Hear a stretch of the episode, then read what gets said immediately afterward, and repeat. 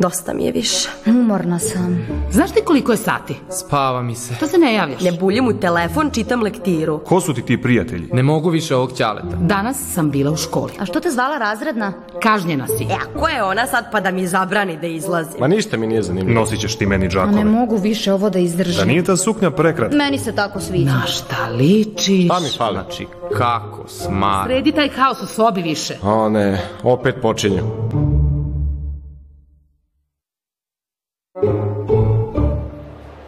Zdravo, zdravo. Da li ste primetili da u Novom Sadu ima sve više privatnih škola? Šta vi mislite o tome? Da li su baš velike razlike između privatnih i državnih škola? Koje su prednosti, koje su mane? I da li se razlikuju kriterijumi u ocenjivanju i znanju? Idemo sada to sve da saznamo da biste vi znali da li je bolje upisati privatnu ili državnu školu.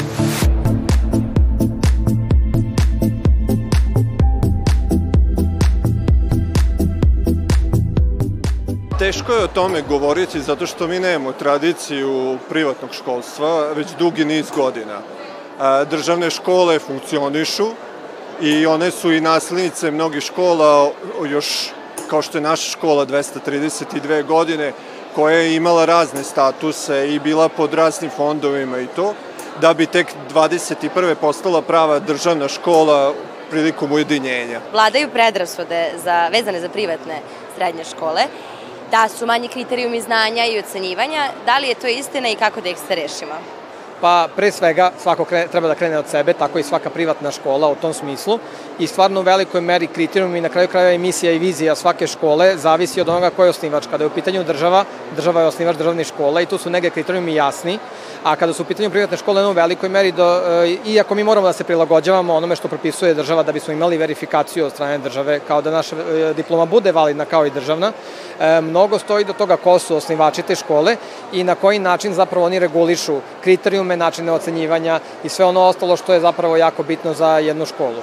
Pokušava se sa tim privatnim školama, ali koliko vidim to nije u onom pravom smislu kao što bi bilo kao kad upišete državnu školu. Pune su manje, dobro to može da bude e, može da vam obezbedi kvalitetniji rad, ali kažem vam, čini mi se da to još nije zaživelo u pravom smislu kod nas, što ne znači da kroz nekoliko godina ili deset godina neće zaživeti. U poslednje vreme se to dosta promenilo. Deca koje upisuju privatne škole, koliko barem ja čujem, um, imaju već neke jasnije planove za budućnost i već imaju jasnije e, ciljeve nakon srednje škole i onda im ta srednja škola nekako dođe kao odskočna daska, a i ono što moramo da priznamo, mnogo je lakše upisati jednu privatnu e, srednju školu, to valjda svi znamo. Ne želim da umanjim naravno njihov kvalitet, ali je to prosto činjenica da se daleko lakše upisuje e, privatna srednja škola, pa možda i zbog toga što nisu svi u prilici da imaju ta finansijska sredstva koja su potrebna za upis u privatnu srednju školu.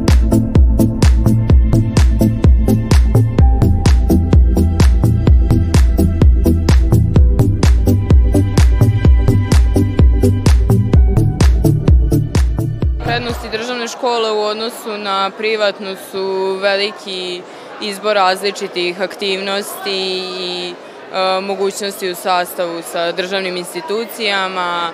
Prednosti su to što je, mislim, e, utvrđeno je kako ide i šta ide i možda je to i mana, jer nema puno prostora za improvizaciju nastave, ali je svakako ovaj, utvrđeno i tradicionalno se prosto predaje i uči. Smatram da ima više prednosti e, iz razloga zato što imamo bolji odnos prema radu, imamo više van nastavnih aktivnosti, jednostavno smo svi oslonjeni jedni na druge i imamo više poverenja jedni u druge.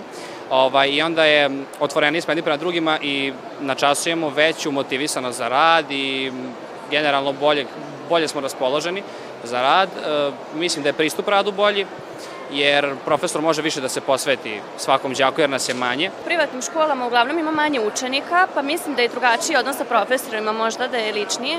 Mada, na primjer, tako i kod nas u Karlovačkoj nas nema puno u odeljenju. Mada u državnim školama uglavnom ima oko 30 učenika i onda nemaju baš tako intiman i ličan odnos kao što imaju, na primjer, u privatnim školama. Upisao sam privatnu gimnaziju iz razloga zato što su nastavnici mnogo posvećeniji nego u drugim školama i recimo radimo sve na mnogo a, lepši, lakši način.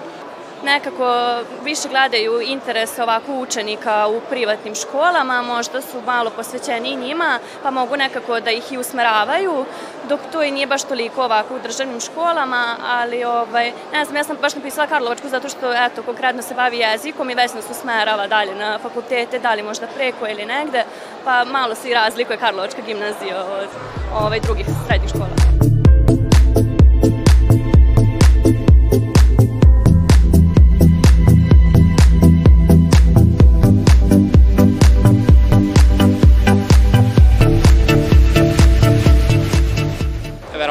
Neka razlika kada se izađe na kraju iz te škole. E, i, ali ne razlika u tome da je loš, da je, da je, da je manje znanje iz e, privatne u odnosu na državnu, ne, nego jednostavno mislim da u privatnoj se ostvaruje još neka veća prijateljstva i da je još bolji odnos prema radu i da oni budu e, kasnije, ako mogu tako da kažem, motivisaniji, raspoloženiji za rad i budući dalje svoj napredak u odnosu na one u državnoj školi. Ja sam baš žela da upišem Karlovačku gimnaziju i to sam odlučila još u, u sedmom razredu. Ovaj, mislim, nemam sad neku averziju prema privatnim školama, ali nije mi jednostavno ni bila ovako u nekom, kao da kažem, užem izboru. U privatnim školama su deca skroz drugačije. U, recimo, u našoj školi a, su drugari, bukvalno svi bi da pomognu, da nam objasne ako nam nešto nije jasno, to su nam pro, bukvalni profesori. Mislim da se kriterijumi svakako razlikuju od svake škole, bez obzira da li je državna ili privatna, ali ne, ne smatram da su prosto ovaj, popušta onima u privatnim školama u odnosu na državnim školama. To prosto zavisi samo od škole i od profesora. Mislim da je u državnim školama se više drži do kriterijuma i do nekog sistema, odnosno praga koje moraju učenici da zadovolje da bi dobili određenu ocenu. Fleksibilnost je definitivno jedna od e, prednosti u smislu da kada je sistem veći malo se teže menja ili prilagođava nekim potrebama društva što bi trebalo da bude prednost na neki način manjih nekih sistema kao što je naš. Tako da to je možda glavni, e, a druga je ta neka mogućnost možda da radimo, da pravimo selekciju e, kako nastavnog kadra, tako i učenika i samim tim da pravimo manje grupe učenika, na primjer konkretno kod nas u školi je 16 učenika po odeljenju, tako da samim tim je i učenicima i nastavnicima malo lakši rad na času. Ja svoju poziciju smatram a, a, kao privilegiju. Ja zaista imam divne đake, imam divne uslove, imam jednu jako lepu školu koja je spoj modernog i tradicije. Uh, imam male grupe učenika koje sam u prilici da upoznam izuzetno dobro, da sa njima se zajedno dogovaram, da oni učestvuju u kreiranju procesa rada, da se mi, da mi razgovaramo, dogovaramo se oko svega, da nemamo potrebu da podižemo glas, da imamo tenziju, da pričamo o nekim manje možda važnim stvarima, tako da e, nisam sigurna da, smo, da možemo da se merimo recimo sa nekim drugim takođe dobrim gimnazijama u kojima, znate, neki od mojih kolega imaju i preko 30 učenika u odeljenju.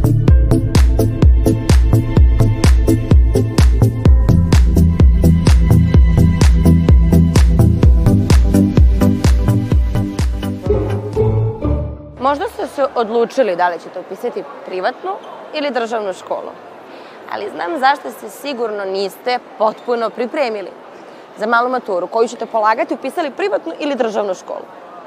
Zato sa nama sada možete da ponovite te zadatke, da upišete privatnu i državnu i da budete samouvereni u rađanju te male mature. U levoj koloni navedene su odlike kontinenta, a u desnoj koloni nazivi kontinenta – Poveži odgovarajuće pojmove. Antarktik, Azija, Australija.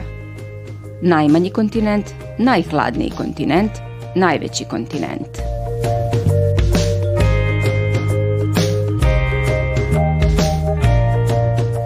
Tačan odgovor. Antarktik, najhladniji kontinent. Azija, najveći kontinent. Australija, najmanji kontinent. Antarktik je najhladniji, najsuvlji i najvetrovitiji kontinent na svetu. Tamo temperatura vrlo redko e, dostiže nulti podeok, dok je e, skoro cele godine negativna temperatura i zbog toga spada u najhladniji kontinent. Australija i okeanija je kontinent koji je poslednji otkriven i koji se nalazi e, na južnoj hemisferi. To je najmanji kontinent sa površinom od 7 miliona i 700 hiljada kilometara kvadratnih, dok recimo Rusija ima skoro 18 miliona kilometara kvadratnih, a najveći kontinent je Azija. Azija potiče od feničanske reči Asu, što znači izlazak sunca, jer su evropljani uvek videli da sunce izlazi iz tog dela sveta. Ono je najveći kontinent, zahvata skoro 30% ukupne površine svih kontinenta. Nepoznata substanca se topi na 776 stepeni Celzijusovih i njen rastop, istopljena substanca, provodi električnu struju. U substanciji je zastupljena nepolarna kovalentna veza, polarna kovalentna veza, jonska veza. Tačan odgovor, jonska veza. Na samom početku da ponovimo vrste hemijskih veza. To su kovalentne veze koje se dele na polarnu kovalentnu vezu i na nepolarnu kovalentnu vezu i takođe poznata ionska veza. Nepolarna kovalentna veza nastaje između atoma nemetala istih elektronegativnosti i ta jedinjenja po kovalentnom, nepolarnom kovalentnom tipu veze imaju niske temperature topljenja i ključanja dok temperature ključanja e, jedinjenja sa polarnom kovalentnom vezom imaju nešto više temperature e, ključanja i topljenja. Upravo ta polarnost uslovljava povišenje temperature ključanja i topljenja.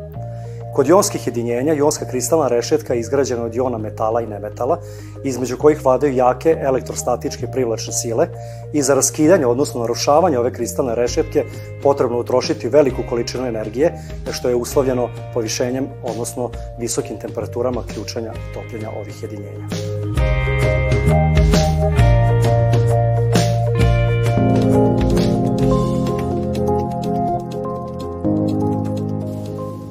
Prva privatna kompanija koja je u saradnji sa organizacijom NASA poslala astronaute na Međunarodnu svemirsku stanicu je Boeing, SpaceX, Virgin Galactic. Tačan odgovor SpaceX. Privatna kompanija SpaceX bavi se izradom svemirskih letelica i svemirskim letovima. Njeno sedište nalazi se u Kaliforniji. Kompaniju je osnovao preduzetnik Elon Musk sa ciljem smanjenja troškova svemirskih putovanja i omogućavanja kolonizacije Marsa. I tu je uložio oko 100 miliona dolara. SpaceX je razvio liniju raketa nosača Falcon i svemirsku letelicu pod imenom Dragon. Ova kompanija je ušla u istoriju kao prva privatna kompanija koja je uspešno dostavila teret na Međunarodnu svemirsku stanicu lanciranjem rakete Falcon 2012. godine. 2020. godine postala je prva privatna kompanija koja je uspešno poslala astronaute na Međunarodnu svemirsku stanicu. Iste godine u januaru, sa trećim lansiranjem Starlink satelita, SpaceX je postao najveći operator komercijalne satelitske konstelacije u svetu zbog pružanja satelitskog pristupa internetu. Radi se o više od 12.000 malih satelita u niskoj zemljinoj orbiti, a neki od satelita koristit će se za vojne, naučne ili istraživačke svrhe.